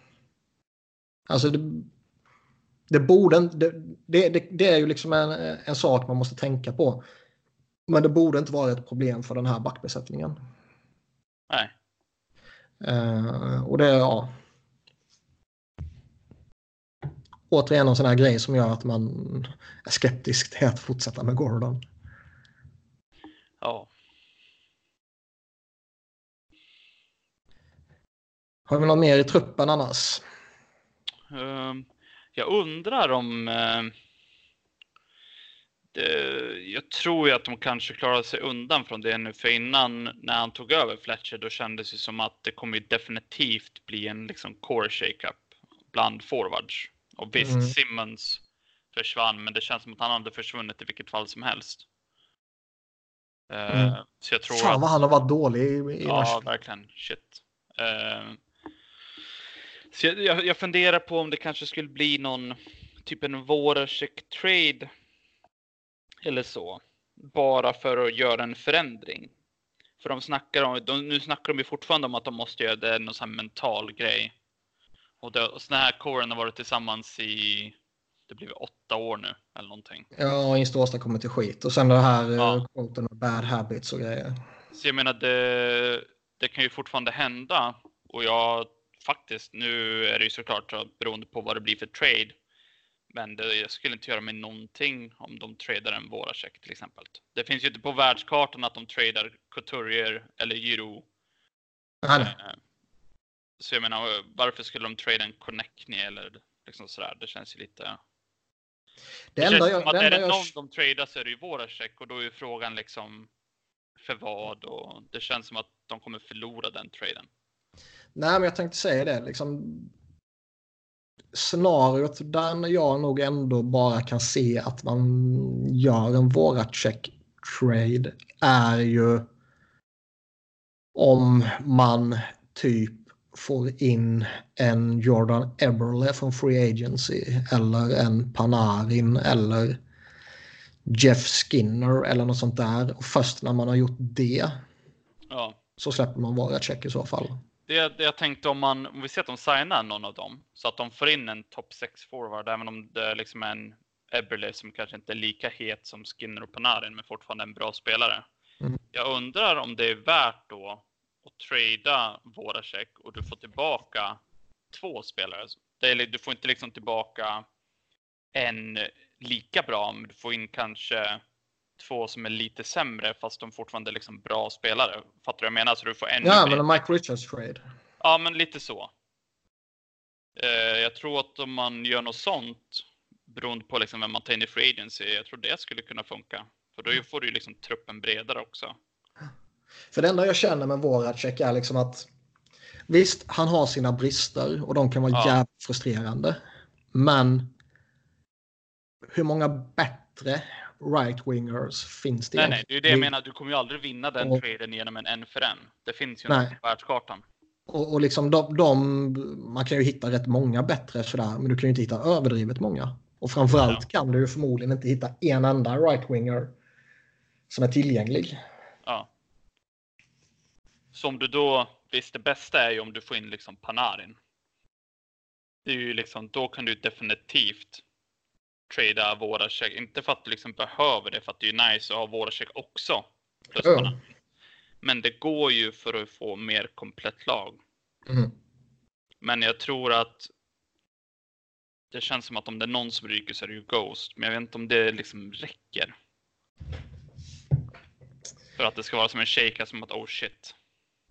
Nej, jag tror inte Ghost är tillräckligt. ehm, Det känns som det måste vara en av Couturier, Giroux och Voracek. Och då är det Ja. bara en av dem de kan trada. Nej, men jag tänkte säga det. Det känns inte som att någon annan är tillräckligt rotad i, eh, i coren så att säga. Ja, Utan det är i så fall att då får man gå in på den yngre liksom eh, Nolan Patrick eller Connectney eller ja. Det just eller med- sånt där. Och det, det tror jag inte man gör. Just det här med Ghost. Vill du verkligen trada honom om du inte får tillbaka en som kan ta hans powerplay-plats? Eller om du redan har signat en liksom PP-specialist? Nej, jag ser inte att Kan, man kan göra kan du verkligen ta den chansen? Nej. Det liksom, det, jag ser inte det. Men signar man Erik Karlsson, liksom, ja, då kommer det sig att Flyers har signat honom. Vilket jag inte tror, men vi ser att det händer. Då är det väldigt, väldigt hög chans att Ghost ryker. Mm. Ja, men det tror jag. Innan de, innan de har tagit in någon, för jag tror inte att de tänker att ah, men Särna, man kan gå in och ta den platsen, inga problem. Jag tycker det är lite naivt, samma som att det är naivt att tro att Elliot och Neuvert kan gå in i en säsong som ett och tvåa. Ja, lite så. Så jag tror jag säkert att Särnam hade kunnat gjort det bra, men de har ju inget bevis för det. För nej, att alltså jag... andra PP-uppställningen var rent skräp. Nej, men lite så. Jag tror liksom Sanna man skulle förmodligen kunna göra det bra. Provorov kan förmodligen göra det bra. Phil Myers kanske så småningom kan göra det bra också. Liksom. Men släpper man Ghost som nu i efterhand vad det verkar som spelade typ hela säsongen skadad dessutom. Ja. Släpper man honom så Det är inte en nej, då, måste, då måste man ha Då måste man då måste man ha någonting klart redan. Ja. Eller, liksom eller göra som vi sa. göra. DK Subban eller något sånt där givetvis. Ja. Men eh, ja, nej, jag vet inte. Så det är väl eh, just den själva frågan var om det är någon annan spelare. Det vet ju båda sektorn. Mm. Men jag... Ja. Det hade varit jävligt intressant för det hade ju varit en bomb. Oh ja. Eh, och jag är inte emot det. Alltså egentligen, det är inte... Alltså så länge man inte tar på sig typ Milan Lucic i utbyte. Nej. Alltså jag vill ju... Jag vill ju inte att man ska trada Couturier och Giroux och Carter Hart och liksom... Alltså Connectney, Patrick och Provorov och alla de här. Men på samma sätt så det jag vill mer än det egentligen, det är att, de här ska, att det här laget ska bli bra igen. Så att om det här, om det krävs att typ en Nolan Patrick försvinner för att de ska bli bra igen, då köper jag det. Det är liksom på den nivån. Man kanske lite sådär omedvetet också, eh, vad heter det, försöker förbereda sig för en eventuell våra check trade liksom. Eh, men när, man pratar, när de pratar lite om sån här om bad habits och grejer. Ja. Vilken är den första spelaren du tänker på? Jag vet inte, Ghost kanske? Ja, jag tänker på Jake Voracek. Ja. Ja, om, Han kan säga- vara... Jag skulle vilja säga. Voracek på forwardsidan och så Ghost på Ja. backsidan. Och med bad habits med Ghost så tänkte jag mer på att mycket så misstag och Jo, fick alla liksom, kritik för att han typ inte, han bara skeppade iväg pucken och typ gav problemet till den andra backen typ. Eller vad fan de sa. jo, jo, men det är liksom bara att titta på Andrew McDonald gör exakt samma sak Ja. och Rob Tegg gör exakt samma sak och Radko Gudas som jag gillar gör också samma sak ibland liksom. Tycker Eh, hela, hela backsidan var jätte, alltså visst Sernay tog ett jättesteg framåt. Men det var inte så att han var perfekt. nej, jag, jag, tror det, jag tror det är ett kollektivt eh, bad habits eh, Ja, problem så att jag säga. tror att alltså hela backsidan egentligen den här säsongen var liksom dålig. Sen att Sernheim tog ett liksom kliv framåt. Jätte, jättebra, men jag tror att egentligen hela backsidan. Jag vet inte. Det känns som att de inte vet vad de ska göra med pucken. Typ. Vart de än har den. De vet inte hur de ska attackera liksom mittzon. De vet inte hur de ska ta sig in i anfallszon. De vet inte hur de ska försvara. Det liksom känns inte som de har en Nej, men plan. det är lite så. De, de vet inte vad de ska göra och de har inte tillåtelse att bara gå på sin kreativa ådra. Liksom. Ja, Ehm, men jag, jag tänker på Voracek där liksom. Att eh, han men är lite bra, han, han kan Jag- fuska ja. lite och han, ja han, eh, han gör konstiga grejer med pucken både i egen zon och i mittzon och i offensiv zon. han Liksom. gör ju jättemycket bra. Men allt, om man tar det dåliga med Erik Voracek, det är ju exakt det de pratar om. Som att de Mm. måste få bort. Mm. Och då blir det som du säger, jag undrar om då han ryker. Mm. Det som är bra med det är att de får ju upp ännu mer cap space. Visst, de kanske får in två spelare så att det blir kanske en som har tre miljoner och en som har fyra miljoner i cap. Mm. Eller vad det nu kan vara. Mm. Men jag tror att det vilken trade de nu gör, om de tradar honom så får de lite mer cap space också. Jo. Det är för att de behöver mer kanske, men det är ju bra om du tar in en Panaren eller Skinner. Mm. Det känns som att något stort kommer hända i alla fall. Vem tror du det är de får då? Om vi ser i Free Agency. Vi ser att de landar ett namn. Vem tror du det är de får?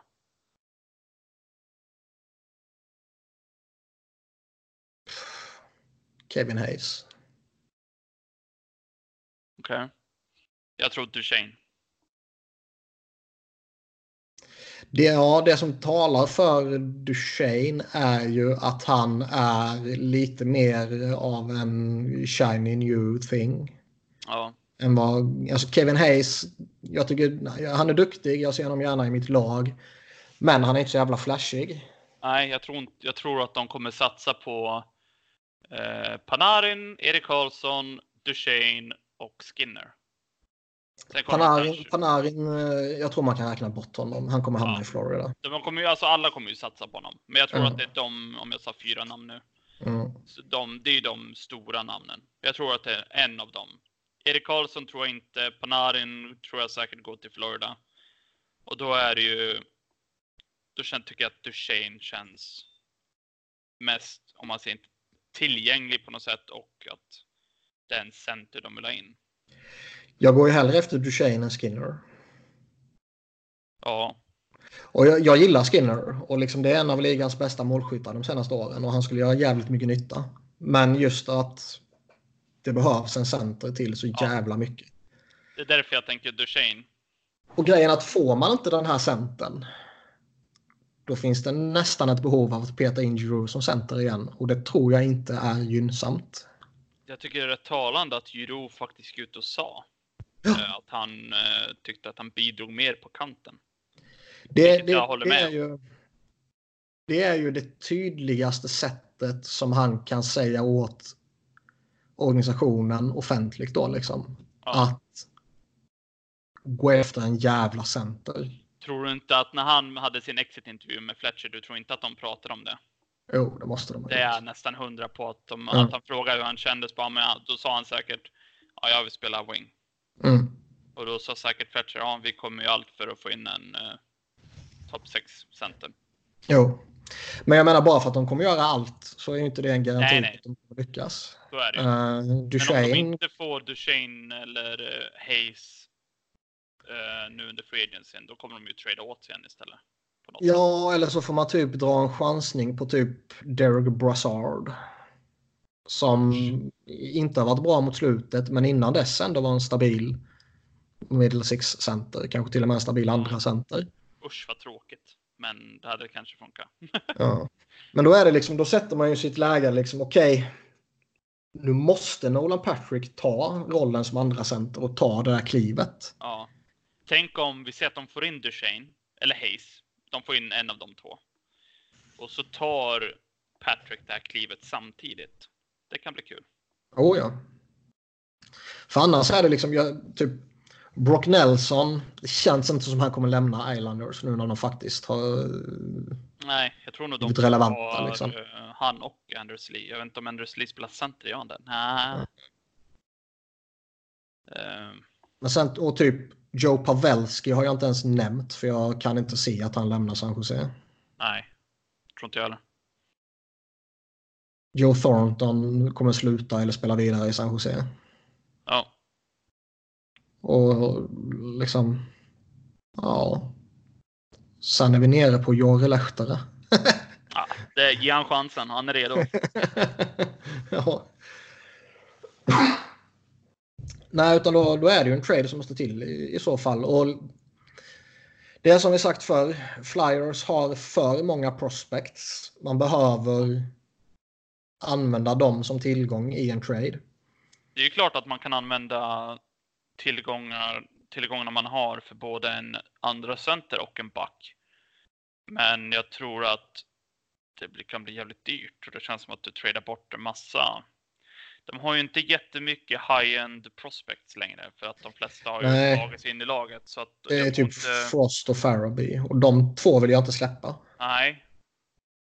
Men jag tror att det är en rätt stor chans att de kan använda en Wade Allison i ett paket till exempel.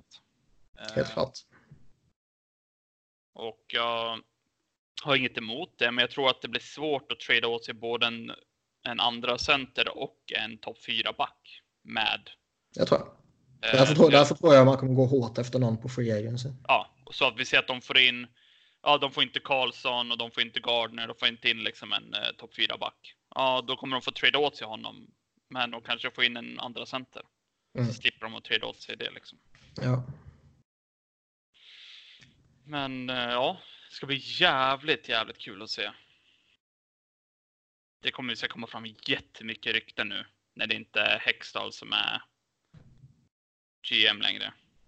Man trodde ju det, men det har fan inte läckt ut mycket om coachjakten.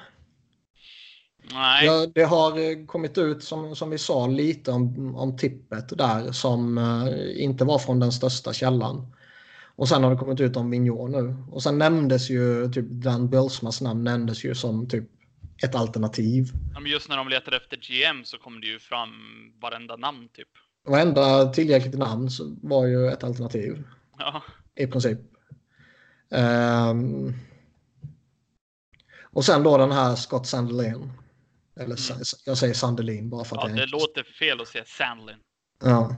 Ehm, som jag inte har minsta jävla koll på. Han har, De har vunnit mycket i University of Minnesota Duluth. Var de två år i rad här nu till exempel. Ja, tack, tack.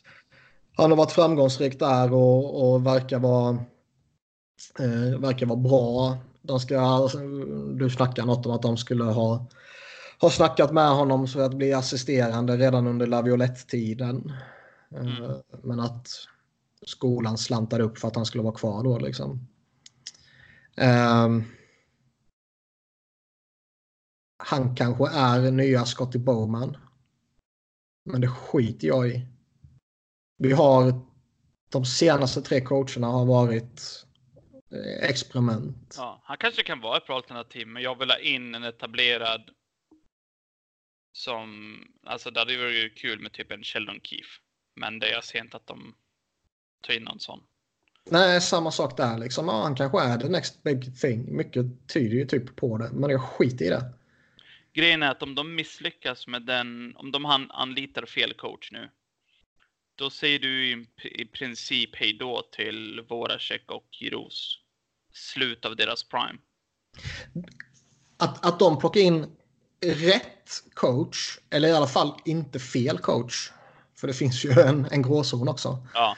Um, är viktigare än eventuella åtgärder i truppen. Ja.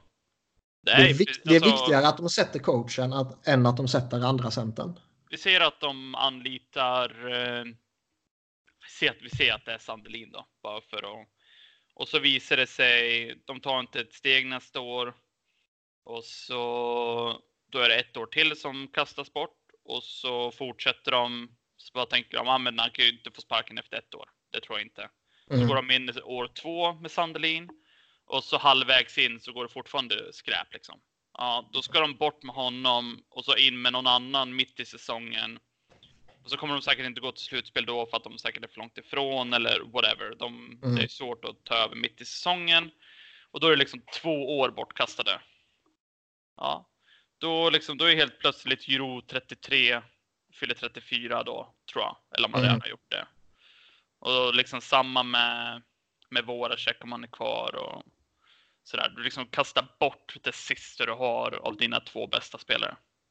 Ja, de här gyllene åren där Sean Couturier är eh, kriminellt underbetald ja. kommer ju försvinna också.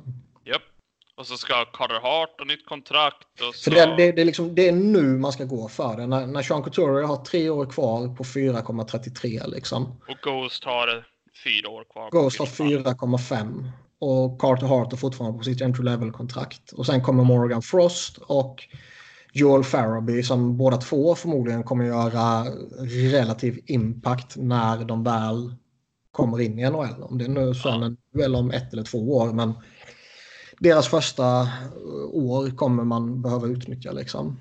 Mm. Så det är ju faktiskt de, de kommande åren här nu som... Det är jätte, jätteviktigt att de inte gör en till Hackstall eller ja alltså till och med Berube liksom, bara kasta bort år. För vi får inte glömma, säga vad man vill om Dave Hackstall, det visade sig vara ett jättefiasko. Men han var ändå relativt hypad och eftertraktad och jagad. Ja. Nej, men så är det. Eh, och, och liksom... Jag, jag, vill, jag, jag, jag, vill verkligen inte ha en ny chansning. Och visst, man kan ju då argumentera för att ja, men Alain Vigneault är ju också en chansning. Jo, det är det, men det är en etablerad chansning. Ja. Typ. Det är ändå en coach som har varit i final med två olika lag och så vidare. Ja. Precis, säg vad man vill om hans beslut nu sista tiden i Rangers. Men han tog två lag till final. Mm. Uh, har vi uh, har vi tjatat ut alla lyssnare eller har vi något mer vi vill gå in på? Uh... Vi har snackat lite om säsongen. Vi har tyckat lite kort om lite olika spelare. Vi har gått in på coachjakten. Vi har pratat sommaren. Vi har pratat draft och draftlotteri. Vi, vi var inne och lite, lite kort sa vi lite om de assisterande coacherna bara. Men... Eh, jag tror, sa inte Fletcher i sin presskonferens att de kommer anlita en coach och sen ta beslut? Han kommer vara med i det beslutet, ja. ja. Eh, och liksom kommer... Kommer eh, Scott Sandelin in så kan man ju tänka sig att liksom Flyers kommer ha lite mer att säga till om i gällande de assisterande coacherna. Ja. Eh, men kommer det in en Vigneault eller Tippet eller eh, Todd McLellan kanske helt plötsligt så får han ett samtal från Flyers och tycker att ah, men det var ju roligare sportslig utmaning än LA. Ja. Eller så kanske Laviolette blir tillgänglig, whatever. Men kommer det in ett etablerat NHL-namn så är det många av dem som kommer med en eller två egna assisterande coacher. Och framförallt så kommer de ju vilja bestämma vem de ska jobba med. Det ser jag bara som en bra grej om jag ska vara Absolut. Absolut. Det är, det är lite som, jag tycker lite, alltså, det är nästan synd om Hackstall när han, när han tar jobbet och bara de här coacherna ska ha, typ. Mm. Eh, och liksom att det måste vara jävligt svårt för honom att komma in och liksom gå från sin assisterande han har haft som alla vet liksom hur han vill ha det och sådär. Absolut. Eh, så jag tycker att om de, vem de nu än anlitar så tycker jag att vill han ha med sin assisterande så hej då. Inte vet jag, Lapierre han kan väl vara någon annan, ge någon annan roll i organisationen. Han kan bli en jävla development coach eller någon sån här Ja. skit om man nu vill belöna honom för att han täckte skottet med Och huvudet. liksom Wilson kan gå tillbaka i pension. Han gjort ett jättebra jobb. Alltså det... Jag känner lite så här, någonting, kom- men det kom- är ju kortsiktigt att han kommer in. Ja, men kommer han tillbaka så fair enough, nu kör vi liksom. Ja, Kommer Lappi tillbaka, liksom bränn ner byggnaden. ja. Kommer eh, Chris Knobloch tillbaka så vet jag fan inte vad jag, Jag ska tror, tycka. jag, det jag tror som kan hända om, inte, om vi ser att de inte skeppar ner eh, Gordon igen till Mm. Phantoms så tror jag att de kanske gör det med No Block. Gordon var ju tydlig med att han inte vill vara assisterande coach. Ja, Utan han, han sa ju någonting att liksom i, i, i min fas i den här karriären så jag ser mig själv som head coach. Det är vad jag är. Mm. Däremot var han ju öppen för att liksom väljer de något annat i NHL så är jag öppen för Phantoms. undrar om han bara sa det. Förmodligen är det något han säger. Liksom, har man Ja. kommit upp dit och sen så liksom, nej men vi, vi vill ha den här snubben istället. Då kanske han lämnar liksom. Ja. Men jag kan Jag absolut tror se att, eh, Knobloch som uh, head coach i AHL. Och det, Ja, det kanske... Han kanske inte passar som en assisterande. Det kan vara så enkelt. Ja, nej, det kanske. För jag, jag tycker fortfarande han, han var så pass spännande när man tog in honom. Att Ja. fan, man kanske... ska- Eller, eller var han bara en produkt av Conor McDavid han också? Men kolla nu Phantoms. De gick ju inte till slutspel. Det gick rätt kast nu med Huffman som tränare. Mm. Det är ju, han var ju också bara interim head coach. Så det finns Mm. ju en plats där. Så om inte Gordon går tillbaka till Phantoms så då finns det ju där. Och då kommer ju istället för att liksom ge No Block sparken så varför inte ge en chansen i AHL? Mm, nej, jag, liksom. Det är ju ändå ett steg upp från eh, att vara head coach för Erie Otters. nej, jag tror jag som sagt, han, han var lite för uh, hypad när han kom för att jag bara skulle vilja släppa han så här efter att han har varit assisterande till två jävla idioter. I alla fall till en jävla idiot och en kanske idiot. Ja, Ehm, jag gillar ju verkligen inte vad han har gjort med powerplay de här Nej, två åren. Men det kanske inte är hans beslut. nej. Han kan ha blivit tillsagd att göra så här och sen så gör han vad han blir tillsagd. Ehm, utan han kan ha blivit tillsagd att de här fem ska spela i den här formationen. Ja, men det tycker inte jag. Nej, men de ska göra det. Och sen får han slänga ut dem. Det kan ju vara så. Kan vara. Jag tror, jag tror inte att det uteslutande är så. Men det kan absolut till en viss del vara så. Jag tror det kan vara som att om när Hackstall var tränare så pratade med No Block och så bara vad, vad tycker du? Och så ger han sin åsikt. Och så tar, liksom, och så tar han sitt beslut själv sen och kanske han gör en del av vad No Block sa men inte Ja. helt ut liksom. Nej, men lite så. Det är, lite därför för att kan känna att vad fan, ge han en annan roll i organisationen. Ge han headcoach-jobbet i, i Phantoms eller kanske till och med testa ett år till som, som assisterande coach under en riktig headcoach. Ja. Ja, men det är inte Eh, helt omöjligt om, man, om han blir head coach för Phantoms och så liksom går det jättebra för dem. Det kanske är liksom att, att vara en eh, powerplay-coach, det kanske inte liksom är det som han passar för, men han kanske är jättebra med hur han vill spela liksom i fem mot fem. Och... Nej, och sen är liksom också en relevant fråga tycker jag att hur, eh, hur, hur jävla viktigt är det med powerplay-coach? För väldigt många, eh, alltså har du en stor spelare och powerplay-specialist så kommer han styra väldigt mycket av ditt powerplay. Ja. Jag tror Claude Giroux bestämmer rätt mycket om vad som sker i powerplay. Sen om coacherna säger åt honom att du ska spela på högersidan så har han kanske inget att välja på. Men man kan lika gärna, och det är ju ett sånt jävla idiotbeslut, liksom att skicka ut sin bästa jävla spelare och ligans kanske bästa powerplay playmaker till att vara en skugga av sig själv. Ja, liksom. Det är helt stört. Uh, skicka ut honom på högerkanten i 5 mot 5 tycker jag inte heller om. Men uh, kan förstå att man gör det i någon form av paniklösning. Ja. Kortsiktigt. Um, Alltså jag bara känner så rent. De måste få in nytt i alltså assisterande och så. Det är liksom det är dags. Nu har de haft LaPriere har varit coach i fem. Tror jag. ja, något sånt. Så kolla. Han har varit assisterande sedan 2013-14 Mm. Och liksom det är dags. Ja, ja, herrejävlar.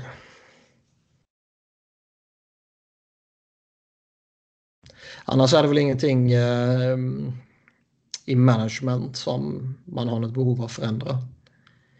GM, assistant GM och allt sånt där är ju givetvis på plats och development coaches kan jag bry mig inte ett skit om. Scouter bryr mig inte ett skit om så liksom vem som är vad. De har ju behållit alla scouter och sånt där. Det enda de bytte ut var ju Chris Pryor. Så förhoppningsvis så är ju deras scouting fortfarande väldigt bra. Eh, Nick Pryor är ju däremot kvar. Det måste ju vara hans son ju. eh, det kanske det är. Men det jag tänkte som att de har, eh, när de Brent Flair istället. Ja. Så det ska bli intressant att se hur de draftar eh, med liksom ny GM och allt sånt där. Mm. Även fast de har kvar samma scouter. Men som jag sa i början, jag pallar inte bry mig om draften för jag hoppas de skickar iväg Nej, nej, draftval. men eh, jag tänkte mer, det, det här är mer i framtiden tänkte jag. Ja. Jag är inställd på att de tradar picket. Mm. Eh, har vi något mer eller ska vi börja runda av? Eh, jag tror inte vi har något mer. Säsongen var åt helvete men det finns ju framtidsförhoppningar.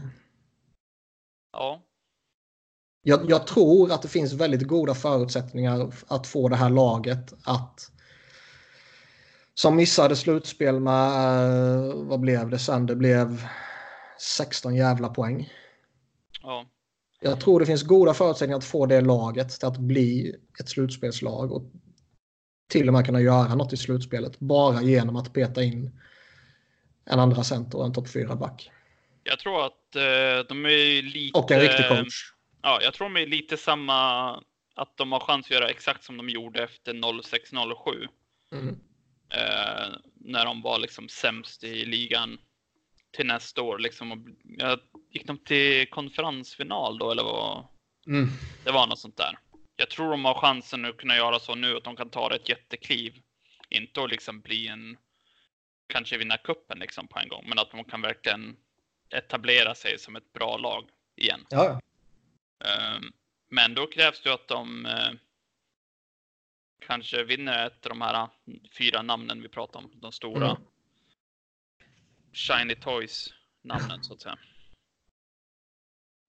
Nej, så är det verkligen. Ehm, annars har vi väl inte mer att säga. Utan vi, vi rundar av med de orden. Att det ändå finns lite saker att se fram emot. Och eh, tacka för oss. Vi återkommer väl när det händer något spännande. När vi är förbannade. Ja. eh, tack för den här gången Johan. Tack, tack.